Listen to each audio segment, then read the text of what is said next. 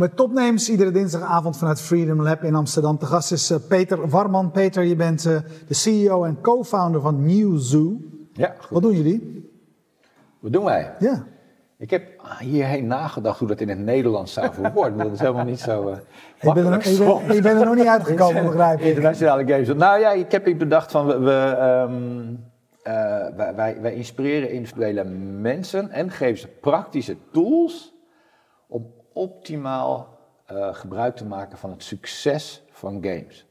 Dat is expres een beetje vaag geformuleerd, want daar kan ik nog veel kant op. Ja, dat zijn wel twee heel verschillende dingen. Want het inspireren ja. van mensen is best ja. een vak apart. En het bieden van tools waarbij mensen optimaal kunnen, uh, uh, gebruik kunnen maken van de populariteit van games, daar kan ik dat me, is, dat is wat concreter. Precies. Laten we daar eerst eens even over beginnen. Want wat voor tools zijn dat die jullie bieden en wat kunnen mensen daar dan mee? Ja, precies. Die tools zijn uh, data-gedreven tools. Eigenlijk zijn we een soort marktleider, wereldleider op het gebied van market intelligence, marktdata over games. En precies. Het is ja. van nut voor gamebedrijven zelf, maar het is van nut, en dat is groeiende, voor eigenlijk elk bedrijf wat bezig is met consumentenervaringen.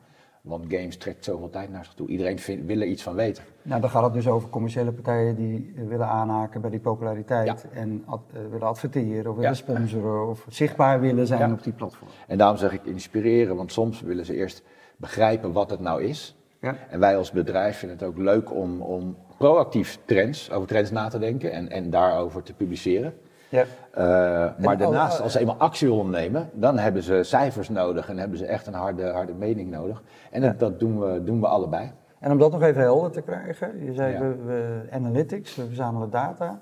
Waar, waar, gaat dat dan over? Weet jij, weten jullie, moet ik zeggen, jullie bedrijven exact hoeveel mensen er exact uh, FIFA spelen, Fortnite spelen, op wat voor devices, in welke landen, in welke steden.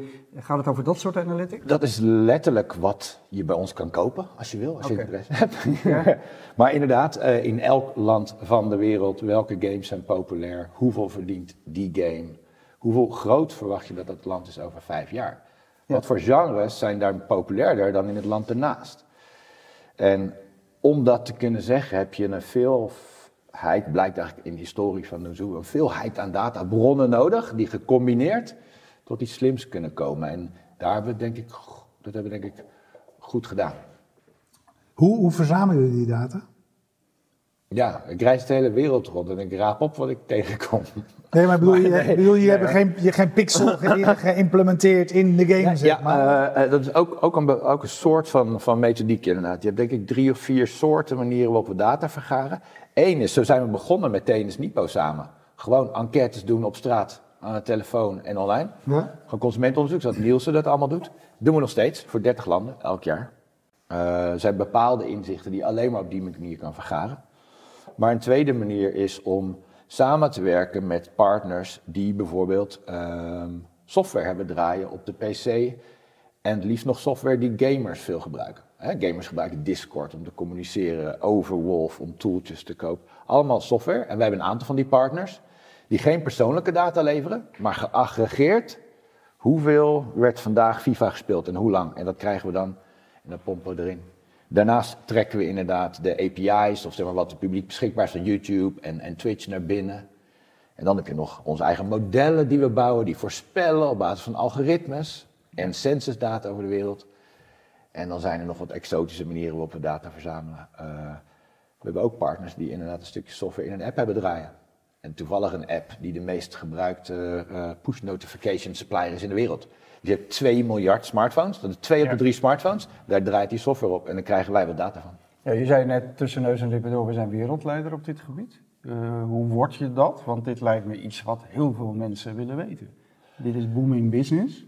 Ja, ja, ja, dat is, is, dit, is, uh, dat is, is ik, ik durf lastig, het nu wel hardop te zeggen. Is het ook lastig repliceerbaar dan wat jullie doen? Uh, zou... Het is lastig bij te houden, denk ik. Omdat zowel de, de, de, omdat de ontwikkelingen zo snel gaan? De ontwikkelingen zo snel gaan. Uh, met hoeveel man doen jullie dat dan? Een... Uh, ja, nu zijn we met z'n tachtigen. Een jaar geleden ja. met z'n veertigen. Ja. Waarvan er 70 in Amsterdam en een handvol in San Francisco en een handvol in Shanghai. Want ja. de wereld is zo, uh, zo wereldwijd. Um, maar het is inderdaad moeilijk, heel moeilijk bij te houden. De vragen zijn telkens anders. De databonden die nodig zijn, zijn anders. Weet je, Twitch, toen wij begonnen, bestond helemaal nog niet. En nu gebruiken mensen Twitch-data voor hele grote beslissingen. Dus we hebben dat moeten, moeten integreren en zo. Dus we zijn altijd bezig met de volgende stap. Um, ja, en er, is, eh, er was één, één concurrent die min of meer hetzelfde deed. Die is door Nielsen gekocht op het tijdstip dat wij een investering ophaalden om versneld te groeien. Dus zij werden geïntegreerd en wij, willen gewoon, wij zijn nu een scale-upje eigenlijk. Ja. Hey, ik, uh, ik, ik, was op eSports X en daar deed jij de, de, de, openings... Uh, ja, act. De, open, de, open, de openingsact. met, met, weet je wel, met grote, grote passie voor het onderwerp. Maar kun, jij, kun jij nu wat voorbeeld, een voorbeeld geven? Een bedrijf dat bij jullie komt en dankzij jullie informatie een bepaalde actie onderneemt. Hoe gaat, voor wie ben jij van mhm. belang? enerzijds de insiders. En dan zal ik een voorbeeld ook noemen van echt een outsider die voor het eerst naar binnen uh, wil en succesvol iets doet. Uh, een insider, en ik weet niet of ik de naam kan noemen, maar je hebt... Uh, ja hoor, je mag nou, ja, ja, ja, mag, van ons. Ja. ja, ja, voor jullie, voor jullie mag, mag, mag, mag alles. Dat is een van de grootste mobiele games in de wereld en die uitgever daarvan. Die was redelijk succesvol in Zuidoost-Azië maar hij wist niet wat, waar de max zat, want de verschillen waren heel erg, uh, heel erg anders. En hij kon door um, rekening te houden met hoe. Die, die markt groeit allemaal heel snel. Um, maar hun genrevoorkeuren zijn heel anders. Maar wij konden voorspellen over drie jaar hoe groot die markt zou zijn in dat genre. En dat resulteerde in een ander strategisch besluit dan ze wilden, maar ook anders dan alle concurrenten. En zij hebben mij daarna, twee jaar daarna, bedankt want zij zijn volledig marktleider naar Vietnam in dit geval. Uh, en die data van ons gaf dat aan. En daarmee hebben ze de concurrenten ja, outsmart, uh, zijn ze sneller geweest. En het is voor een heel wereldberoemd mobiel, mobiel gamebedrijf. Ja, dat is gewoon heel gaaf. En dat is voor een insider, Smart Moves in Zuidoost-Azië, de hottest region in the world. En voor outsiders is het, um, hey Peter, je hebt Red Bull, hè, dat drinken gamers veel. Ja. wij maken yoghurt. Wat, wat denk je? Is er een kans voor ons met gamers? En om dan dat traject in te gaan om, om zowel uh, creatief mee te denken, kijken wat er in Amerika gebeurt. En uh, uh, met je data te kunnen kijken wat voor echt welke titels van games en welke kanalen op YouTube gekeken worden door mensen die vatbaar zouden moeten zijn voor een gezonder alternatief voor Red Bull. Maar die wel een energieboost kunnen gebruiken omdat ze vaak s'avonds laat gamen. Nou, dat konden we uitvogelen en genoeg kwantificeren, waardoor zij konden kiezen, uh, we moeten het doen. We gaan de, al onze bureaus erop zetten, we gaan een, product maken. Het product is nog niet in de winkel, maar er komt dus een yoghurt energiedrankje met gamemerken erop, op gamers gericht. En daar hebben wij aan meegeholpen. En dat vind ik, uh, ja, ik, ik, heb productontwikkeling gestudeerd. Dat vind ik het mooiste wat er is, iets echts eigenlijk. Ja. ja als je productontwikkeling hebt gestudeerd, is, is sowieso die hele gamewereld uh, interessant natuurlijk. Hè? Want ja zo'n dag ook. Ik ben, ben de hele dag geweest bij die eSports X. Jij vertelde, jij vertelde er ook over. Een van de boeiende dingen, er zijn veel boeiende dingen aan, aan die e-sports wereld, is dat, maar dat de standaard eigenlijk is dat iedereen alles kan spelen. Het begint niet met je krijgt toegang door te betalen, maar je krijgt eigenlijk toegang als je maar je computer hebt en als je als je, je internet aansluit. Ja. En daarbovenop zitten allerlei uh, verdienmodellen. Ja. Um, uh, wat, wat, als, je, als je vanuit productontwikkeling komt, wat vind jij daar interessant aan? Uh, ja, daar zit, daar zit uh, sowieso vind ik de, de. Op een gegeven moment weet ik nog, vijf jaar geleden, zes jaar geleden, er waren games waar die leken wel gratis, maar je kon nooit de beste zijn, kon nooit ontwikkelen als je niet zou betalen. Dat is allemaal op mobiel geprobeerd, want honderden miljoenen mensen speelden die games. Dus ze konden alles A-B testen, ze konden alles testen. En uiteindelijk bleek, je moet gewoon mensen die gratis spelen, net zo'n leuke ervaring geven als mensen die misschien wel duizend euro per maand willen uitgeven. En daar zijn hele creatieve uh, modellen uitgevonden om mensen die eerste betaling te doen. En iedereen die over games nadenkt, denkt het gaat om kleertjes en of een level kopen of zo. Maar de slimste uitvindingen zijn meer gebeurd om uh, uh, tijd te besparen. Dus ga je, je mag 20 seconden wachten, of leg je 30 cent neer. Weet je, als je gewoon niet kan wachten. Maar veel mensen hebben meer tijd dan geld, dus je, je mag kiezen. Ja. laat uh, de keuze maar aan de, aan de gebruiker. En de andere die ik wel leuk vind, elke keer als je een game begint, krijg je van 30 karakters, krijg je random één karakter. En daarmee speel jij de game. Maar je kan hem op het allerhoogste niveau spelen. Maar als je echt goed wil worden, moet je wel handig worden met zijn wapentjes en zijn karakter. Dus als je verder wil ontwikkelen, echt op een hoog niveau, dan, moet je, dan koop je het recht om het karakter te kiezen. Dus de right of choice betekent. Nou, dat soort uitvindingen vind ik best wel slim en ook interessant om op die manier uh, te kijken naar de echte wereld. Uh, ja. Wat, wat, wat, vertaal jij dit eens naar de echte wereld? Nou, ik stond bijvoorbeeld voor, uh, voor, uh, voor boekuitgevers. Voor, voorrang, die snap ik zeg maar, hè? want dat he, zie je bij concerten natuurlijk bijvoorbeeld. Ja, nou, hele makkelijk, voor boekuitgevers. Ik stond te presenteren voor boekuitgevers. Ik vertelde dat van Candy Crush, je wacht 30 seconden of je betaalt wat. Dat is makkelijk, tot naar boeken te... Nou, leg eens uit dan. Nou, je laat mensen gratis, uh, je geeft ze gratis boeken. En na 10 seconden op een e-book, of na 10 bladzijden, moeten ze 20 seconden wachten. En dan kunnen ze weer verder lezen. Dus iemand die meer tijd heeft, kan gewoon jouw boeken daarvan genieten. Maar iemand die uh, wel het geld heeft, of haast heeft of zo, die zal wel gaan betalen. En zo voorkom je dat mensen teleurgesteld zijn met een product wat ze kopen. Want ze kunnen het altijd helemaal gratis proberen. En zelfs kiezen om helemaal niks te betalen. En zo heeft iedereen kan zijn, uh, zijn geld-tijdbalans zelf instellen. En dat is een beetje, dat vind ik, dat, een interessant gegeven. Ja, ja. want uh, ga jij ook zo op deze manier met gameontwikkelaars in gesprek? Want jij hebt zoveel data, je weet, je, eh, jij weet meer dan, uh, dan ja. die anderen, zeg maar. ben jij ook een adviseur, adviseur op dit gebied? voor gameontwikkelaars in het verleden misschien wel. Maar je moet niet vergeten dat gameontwikkelaars, die hebben direct contact met consumenten. Dus hun, als een game 10 miljoen spelers heeft, krijgen ze een overload. Die hebben heel veel data zelf. Ja. Dus je moet wel heel slim zijn, wil je met data ja. uh, hun uh, iets toe kunnen voegen. Dat kunnen we wel voor bepaalde vraagstukken. Maar persoonlijk uh, ben ik eigenlijk meer bezig met het vertalen van successen in game mechanismes naar andere markten. Niet dat gamebedrijven niet met mij willen praten, maar ik heb andere experts die wat dieper echt in de games zitten. Want inmiddels ben ik ook bijna 50. En eigenlijk speel ik zelf niet heel veel games meer. Ik heb een passie voor de business van games. En ik kijk games, maar spelen heb ik even de tijd niet voor. En dan kijk je naar andere markten. Je zei voor, voor dit gesprek ook uh, dat als we echt met jou de diepte in willen, dat we het beter kunnen hebben over andere dingen dan games. ja, dat je zoveel. Nou, ja. Nee, maar je zei even zo tussen de neus en ja. door. Ja, ik heb ook wel zoveel geleerd uit de gamewereld. Dat ik ook wel echt ideeën heb van hoe je de wereld zou kunnen verbeteren door die mechanismen. Dat komt misschien met ouderdom, die wens om een beetje iets. Uh, ja, maar ik, dat, is, dat vind maar, ik wel intrigerend. Want, want het is natuurlijk eigenlijk een heel. Uh, ja, een, een, een, geïsoleerd wereldje, de gamewereld. Ja. Uh, waarmee heel veel mensen snappen dat niet, hè, ja. die wat ouder zijn. Ja. Uh, wat voor dingen zitten daarin die jou zo inspireren?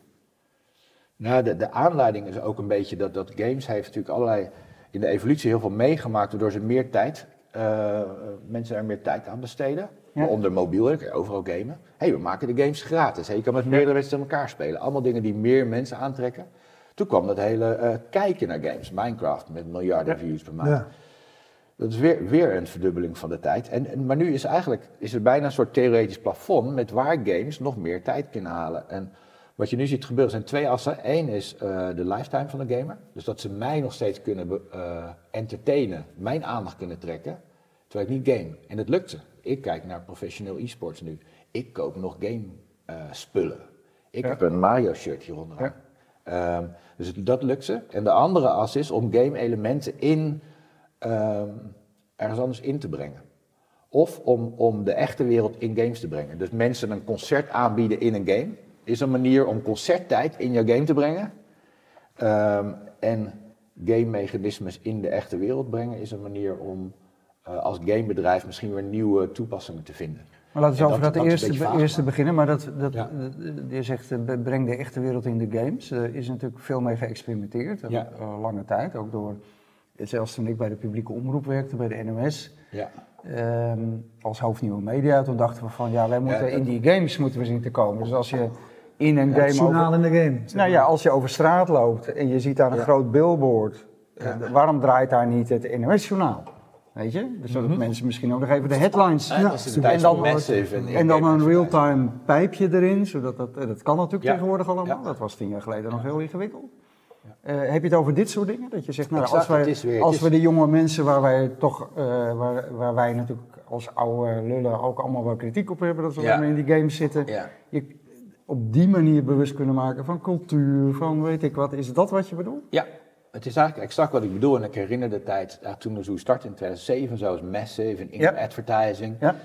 Maar de, de, eigenlijk de, de hoeveelheid mensen die op één ogenblik in een game zit, was op dat moment nog niet genoeg. Ja, maar nu dat het, eh, de meeste games zijn echt wereldwijd online en multiplayer. Ja, En in real kom- time. Ja, en nu komt het eigenlijk weer terug. En, en die jongeren, die, die zien nu eigenlijk de communicatie met hun vrienden begint vaak in een game. Dus Discord, ze doen Discord aan, hun game communicatiemiddel, en dan gaan ze kletsen, wat zullen we gaan spelen? Dus soms is ook de enige plek waar je ze kan treffen, is in die, in die omgeving. Ja. Dus het heeft ook nut. Daar zie je ook veel meer mogelijkheden nog. Ja. Nog veel meer. Nike heeft een schoen pas gelanceerd in, in Fortnite. Eh, je hebt eh, Solomon, die DJ, treedt op een Grand Theft Auto om de Ja. paar weken. En er komen inderdaad miljoenen eh, eh, mensen op af. En gamebedrijven zien ook al hun ehm, verantwoordelijkheid om te zorgen dat mensen over sport blijven nadenken. Of, of soms ook wel wat, wat goeds doen. En daar zie ik ook wel, of goeds, het is allemaal goed wat ze doen, maar om ehm, bewustzijn voor dingen, om daar mee te helpen. En daar zie ik nog wel veel in gebeuren. Ik hoor veel gamebedrijven daarover praten, van hoe gaan we dat doen? Maar wat bedoel je dan? Je noemt nu sport. Eh, Ik zou viel me ook op op je website hoor, dat je een onderscheid maakt tussen games en e-sport. Eh, Ja. E-sport is weer wat anders dan sport. Ehm, oh ja, ja, precies. Hoe, hoe kijk jij tegen dat hele spectrum aan? Want je zegt ja, eh, sport, net ja. bedoelde je volgens mij dat, het, dat je ook die jongens wel een beetje aan het bewegen wil krijgen. Het is niet, niet gezond om de hele dag te Het, dit, het is gelukkig wel zo Ja. dat in het algemeen hoe, hoe- hoe mensen die veel gamen, ook in Nederland, eh, relatief veel sporten. Is dat zo? Eh, het is alleen Ja, waar. Blijkt dat waar uit jullie data? Ja, ja dat is en dat moeten we ook vaak, be, eh, of dat wordt gevraagd om, om kunnen jullie dat ergens bewijzen? Eh, de Europese? Unie dat- maar vraagt daar doe je onderzoek naar. World Health Organization vraagt dat. Ja. Ja. En we zullen eh, objectief eh, rapporteren, maar sommige stigma's zijn gewoon niet waar. Het is gewoon zo populair dat er een groep is die ergens te ver in gaat. En de tijd is meer ten koste gaan van tv en andere manieren van consumptie dan per se van, in ieder geval van sporten. Ja. Eh, dus dat is, dat is goed nieuws. Ehm, maar de gamebedrijven willen nu ook graag, hè, die, die hebben nu ook live events. En, eh, eh, waar je me- met elkaar kan gamen, maar ook eh, andere gezellige dingen kan doen. Eh, en, en dat neemt een grote vlucht. Gestimuleerd door die gamebedrijven die ook het imago, eh, een beetje van het imago af willen. Dat ze alleen maar zuigen naar die eh, eh, digitale omgeving. Ja. Ja.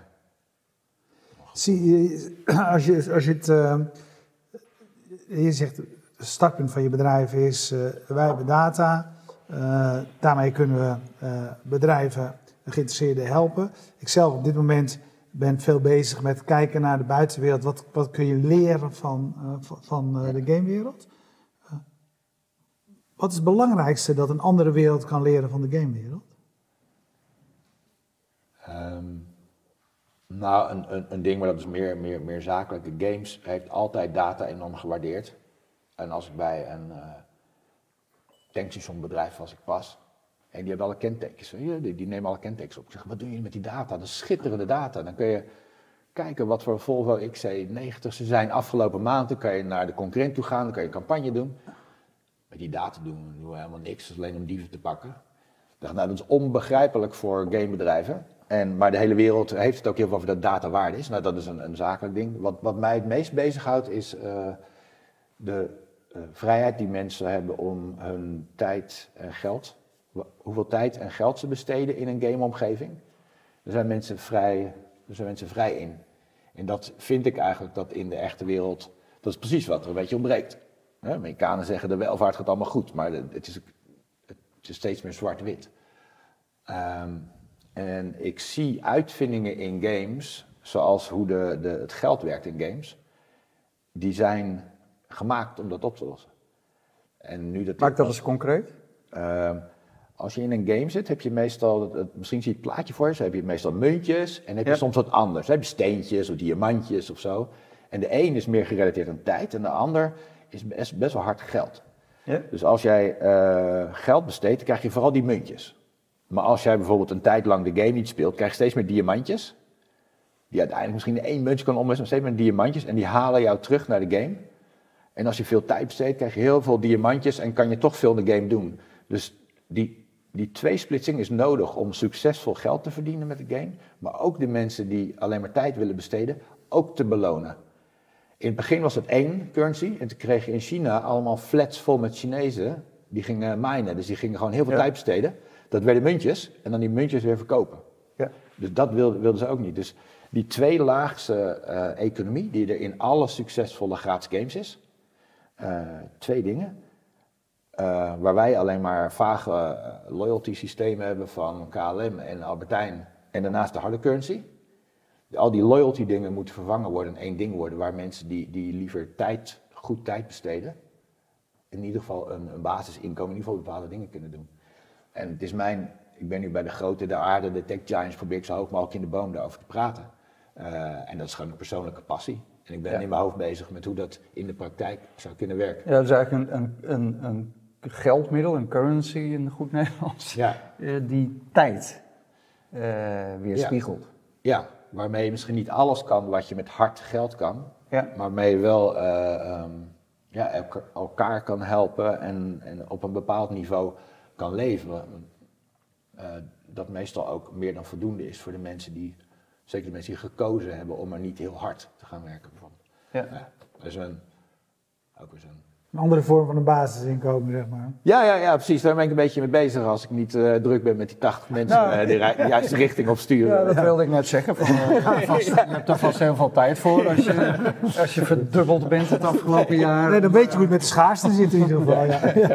Ja, maar het is natuurlijk wel fascinerend dat jullie in, in die gamewereld en jullie doen daar dag in dag uit Ja. onderzoek naar. Dus je weet daar Ja, je praat met eh, al die partijen die eh, zo... dwars over zijn. al die verschillende games heel veel van. Ja. Hoe die mechanismen die je daar ziet, eh, hoe je die zou kunnen vertalen naar Ja. dingen die waarde toevoegen. Ja, dat zie ik de- heel veel meer Ja. gebeuren. Zelfs de Uber-app is eigenlijk één grote game geworden natuurlijk. Met rankings en diamantjes. En tegenwoordig als een Uber-chauffeur drie keer een rondje doet binnen de ring, een rit, dan krijgt hij Ja. 9 euro bonus. Ik weet niet of jullie dat weten. En hij mag twee keer per dag mag hij een richting kiezen waar hij op gaat. Dat weet je misschien wel, want dan wil hij naar huis. Maar hij heeft, hij heeft iets van vijf van die game-elementen nu gekregen. En in november krijgt hij na elke 50 rit al het geld. En elke dag eh, moet je die keuzes maken. En de chauffeur zegt tegen mij dat het hun leven leuker heeft gemaakt. Ja? Dat is telkens een beetje van die keuze. En dan, oh, ze hebben gewonnen. Ah ja, ze hebben deze goed, eh, goed gedaan. Ah, Ja. En ik denk dat je heel veel meer van dat soort dingen gaat zien. En het soms niet eens beseft. eh, dat het een relatie heeft met, met game mechanics. Ja. Dit zijn eigenlijk oude, eh, ook wel weer ouderwetse gamification. Eigenlijk, ja. ja dat, precies, dat noemden ja. we tien jaar geleden gamification. Ja.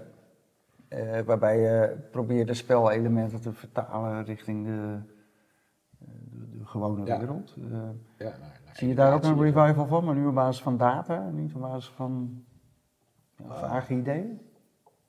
Ja, precies. Ik ben meer van de vage. Ik ben- vanavond, vanavond ben ik van de vage grote ideeën. Ja, maar je bedrijf Eh, niet. Nee, nee, nee, nee, nee mijn- mijn- mijn mijn bedrijf niet.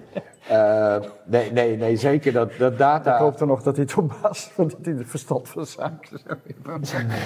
Nee, ik kan ook best wel weer switchen hoor. ja, ja. Eh, nee, da- daar is datagedreven eh, ja,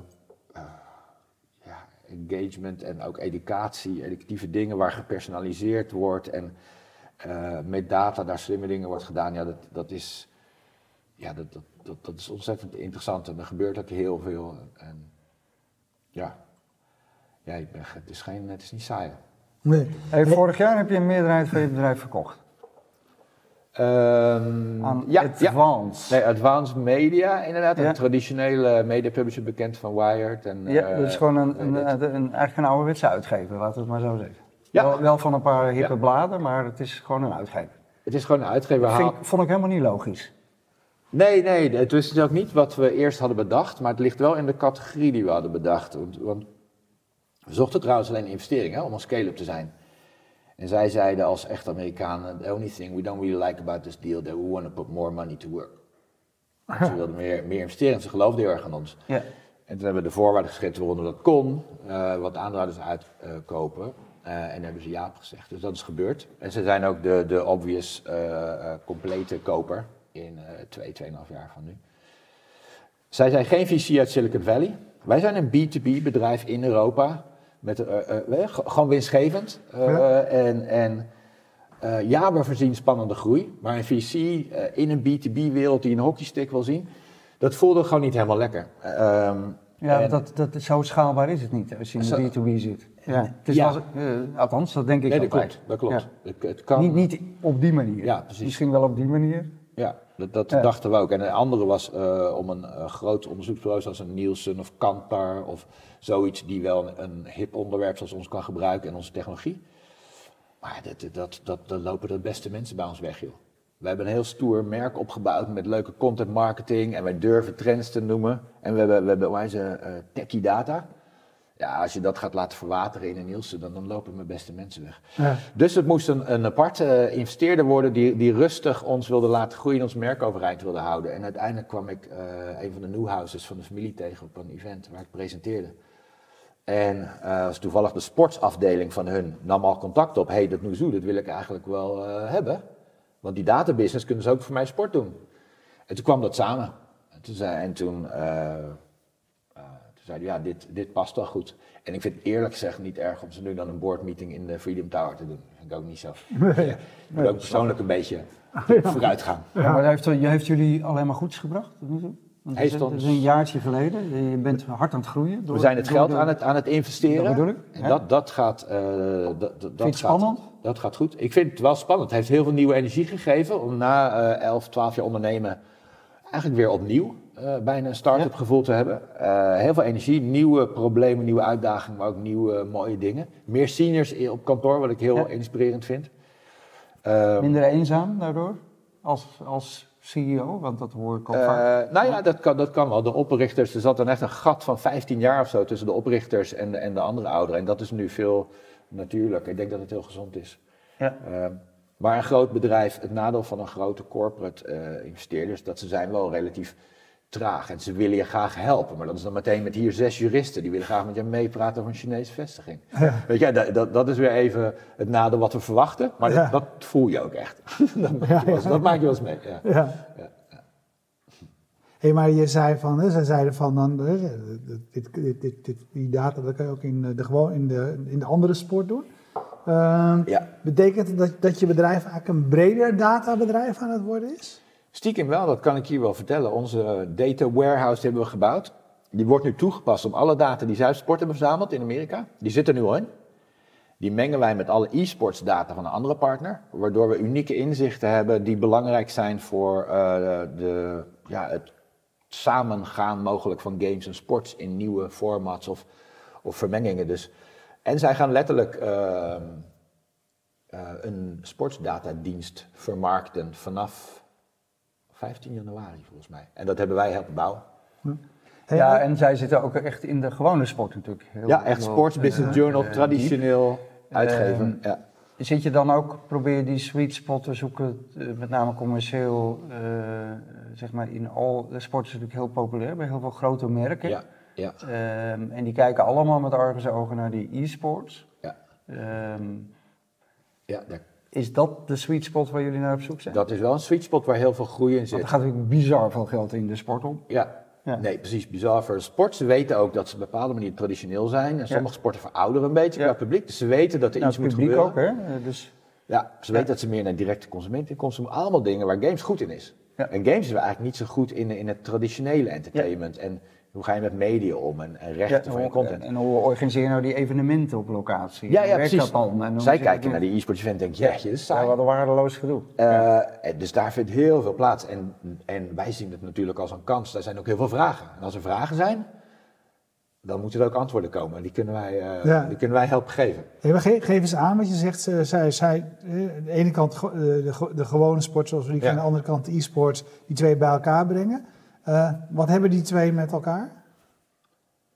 Eh, ja, een beetje Waar, waar zit, waar zit, waar, waar een beetje, zit een beetje jaloezie op elkaars businessmodellen. Hey, jij verdient miljarden met direct consumenteninkomsten op allemaal slimme manieren die ik niet goed ken. En andersom, ik heb heel veel videocontent, maar ik verdien er niks mee. En jullie verdienen heel veel met videocontent. Ja. Ehm, en, en dat was eerst een beetje jaloezie, eh, maar, maar nu ontstaan eh, ja, nieuwe, nieuwe partnerships eh, daarin. En ja, wat wij moeten doen is zorgen dat de traditionele sportdata naast games, naast e-sports data kunnen zetten, zodat mensen eh, het in perspectief kunnen zetten. Want het is heel eng om je eigen domein te verlaten. En dat geldt beide kanten op. Eh, maar dat, ik vind, eh, om met sportpartijen te werken, die hebben meestal niet veel geld zelf. Die komt van de sponsors. Ja. Maar het is natuurlijk wel re- eh, reet interessant om met de NFL te werken en met eh voetbalclub uit China en met Manchester City om tafel te zitten. ja, en dat doen jullie nu. Ik heb met eh, Messi en Piqué mogen lunchen. Nou, dat was al een hoogtepuntje. Ja, Ja. Dat is een jongensdroom. Dat is zeker een jongensdroom. Nou, ik dacht mijn bureau. Hey, we zijn alweer een half uur onderweg. Ja, we zijn alweer een half uur we zouden nog best een half uur door kunnen praten. Ja, leuk. Dat moeten we dan misschien een Ander keer keertje doen. doen. Ja. Eh, nodigen we je gewoon over een jaar weer eens uit. Eh, waar sta je dan? Ehm, ik denk dat we dan een lokale Chinese dienst hebben die goed draait. Echt gelokaliseerd achter de firewall. En meer kan ik niet zeggen, maar dat vind ik wel spannend, spannend iets. Ja. over, twee, over twee weken ga ik naar China. Dat, dat triggert Ja? wel, maar Mooi. daar ben je dus heel ver mee en hard mee aan het werken. Ja, Ja, spannend. dat is, ja, dat is ook. Nou, daar willen we alles van weten. Absoluut. Heel ontzettend bedankt. Hey, dankjewel. Ja, jullie bedankt voor het kijken en we bedanken zoals altijd Bier Co voor de biertjes, Jetstream voor de livestream, PQR voor de hosting van de website en Freedom Lab voor de gastvrijheid. We zijn er iedere dinsdagavond, dus volgende week weer. Dag.